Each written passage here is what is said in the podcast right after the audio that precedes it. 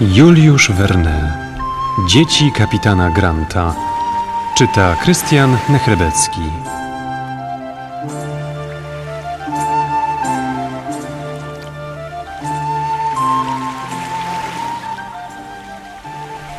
Aby ocalić Duncana, trzeba było za wszelką cenę przebyć rzekę i wyprzedzić bandę Ben Joyce'a zmierzającą ku zatoce Twofold.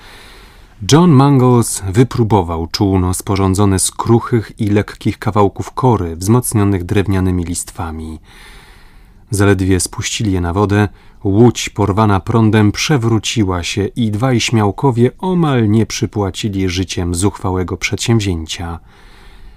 Rankiem 21 stycznia 1865 roku Paganel stwierdził, że wody zaczynają opadać. Natychmiast doniósł Glenarvanowi o tym ważnym spostrzeżeniu. John Mangles i Wilson przystąpili do budowy dużej łodzi. Praca szła wolno i zmierzch już zapadał, nim została skończona. Nazajutrz prom był gotów. Lady Helena i Mary Grant zajęły miejsca na środku obok Malradiego. Glenarvan, Major, Paganel i Robert otoczyli ich, gotowi w razie potrzeby nieść pomoc.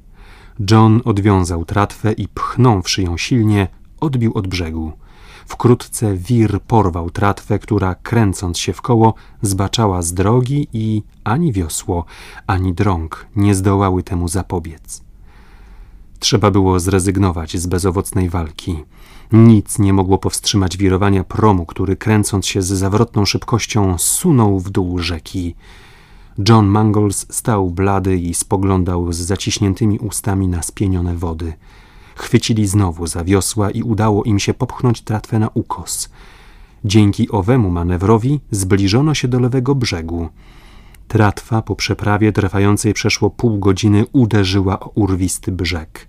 Wstrząs był tak gwałtowny, że pnie rozłączyły się, liny pękły i woda bulgocąc wdarła się przez szpary. Podróżni zdążyli jeszcze chwycić się krzaków zwisających nad brzegiem. Przyciągnęli do siebie rannego Malradiego i obie kobiety. Ocaleli wszyscy. Utonęła jednak część prowiantu, a także broń, oprócz fuzji majora. Mieli więc rzekę za sobą, ale znajdowali się prawie bez środków do życia o 35 mil od Delegate, wśród niezbadanych pustkowi leżących na granicy Wiktorii postanowiono natychmiast ruszyć w drogę. Prowadziła przez piaszczyste równiny porośnięte kolczastą trawą zwaną jeżozwierzem. Roślina ta czepiała się ubrań, darła je w strzępy i kaleczyła do krwi nogi. Obie kobiety czyniły nadludzkie wysiłki, ale słabły z godziny na godzinę. Nie szły już, lecz wlokły się z trudem. Następnego dnia o jedenastej ukazało się delegate. Podróżni, nie zwlekając, wynajęli konie. Dyliżans ruszył natychmiast, popędził drogą, która wiodła do Edenu. Pocztylioni zatrzymali się w pobliżu świateł sygnałowych u wejścia do portu. Kilka statków stało na kotwicy, lecz na żadnym z nich nie można było dostrzec proporca z inicjałami Glenarwana. Muszę, muszę się dowiedzieć, jak stoją sprawy, mówił Glenarvan. Najgorsza wiadomość lepsza jest od niepewności. Wysłano telegram do maklerów okrętowych Melbourne, po czym podróżni odjechali do hotelu Victoria. O drugiej Glenarvan otrzymał depeszę tej treści. Duncan wypłynął z portu 18 stycznia w niewiadomym kierunku. Telegram wypadł z rąk Glenarvana. Nie było żadnych wątpliwości.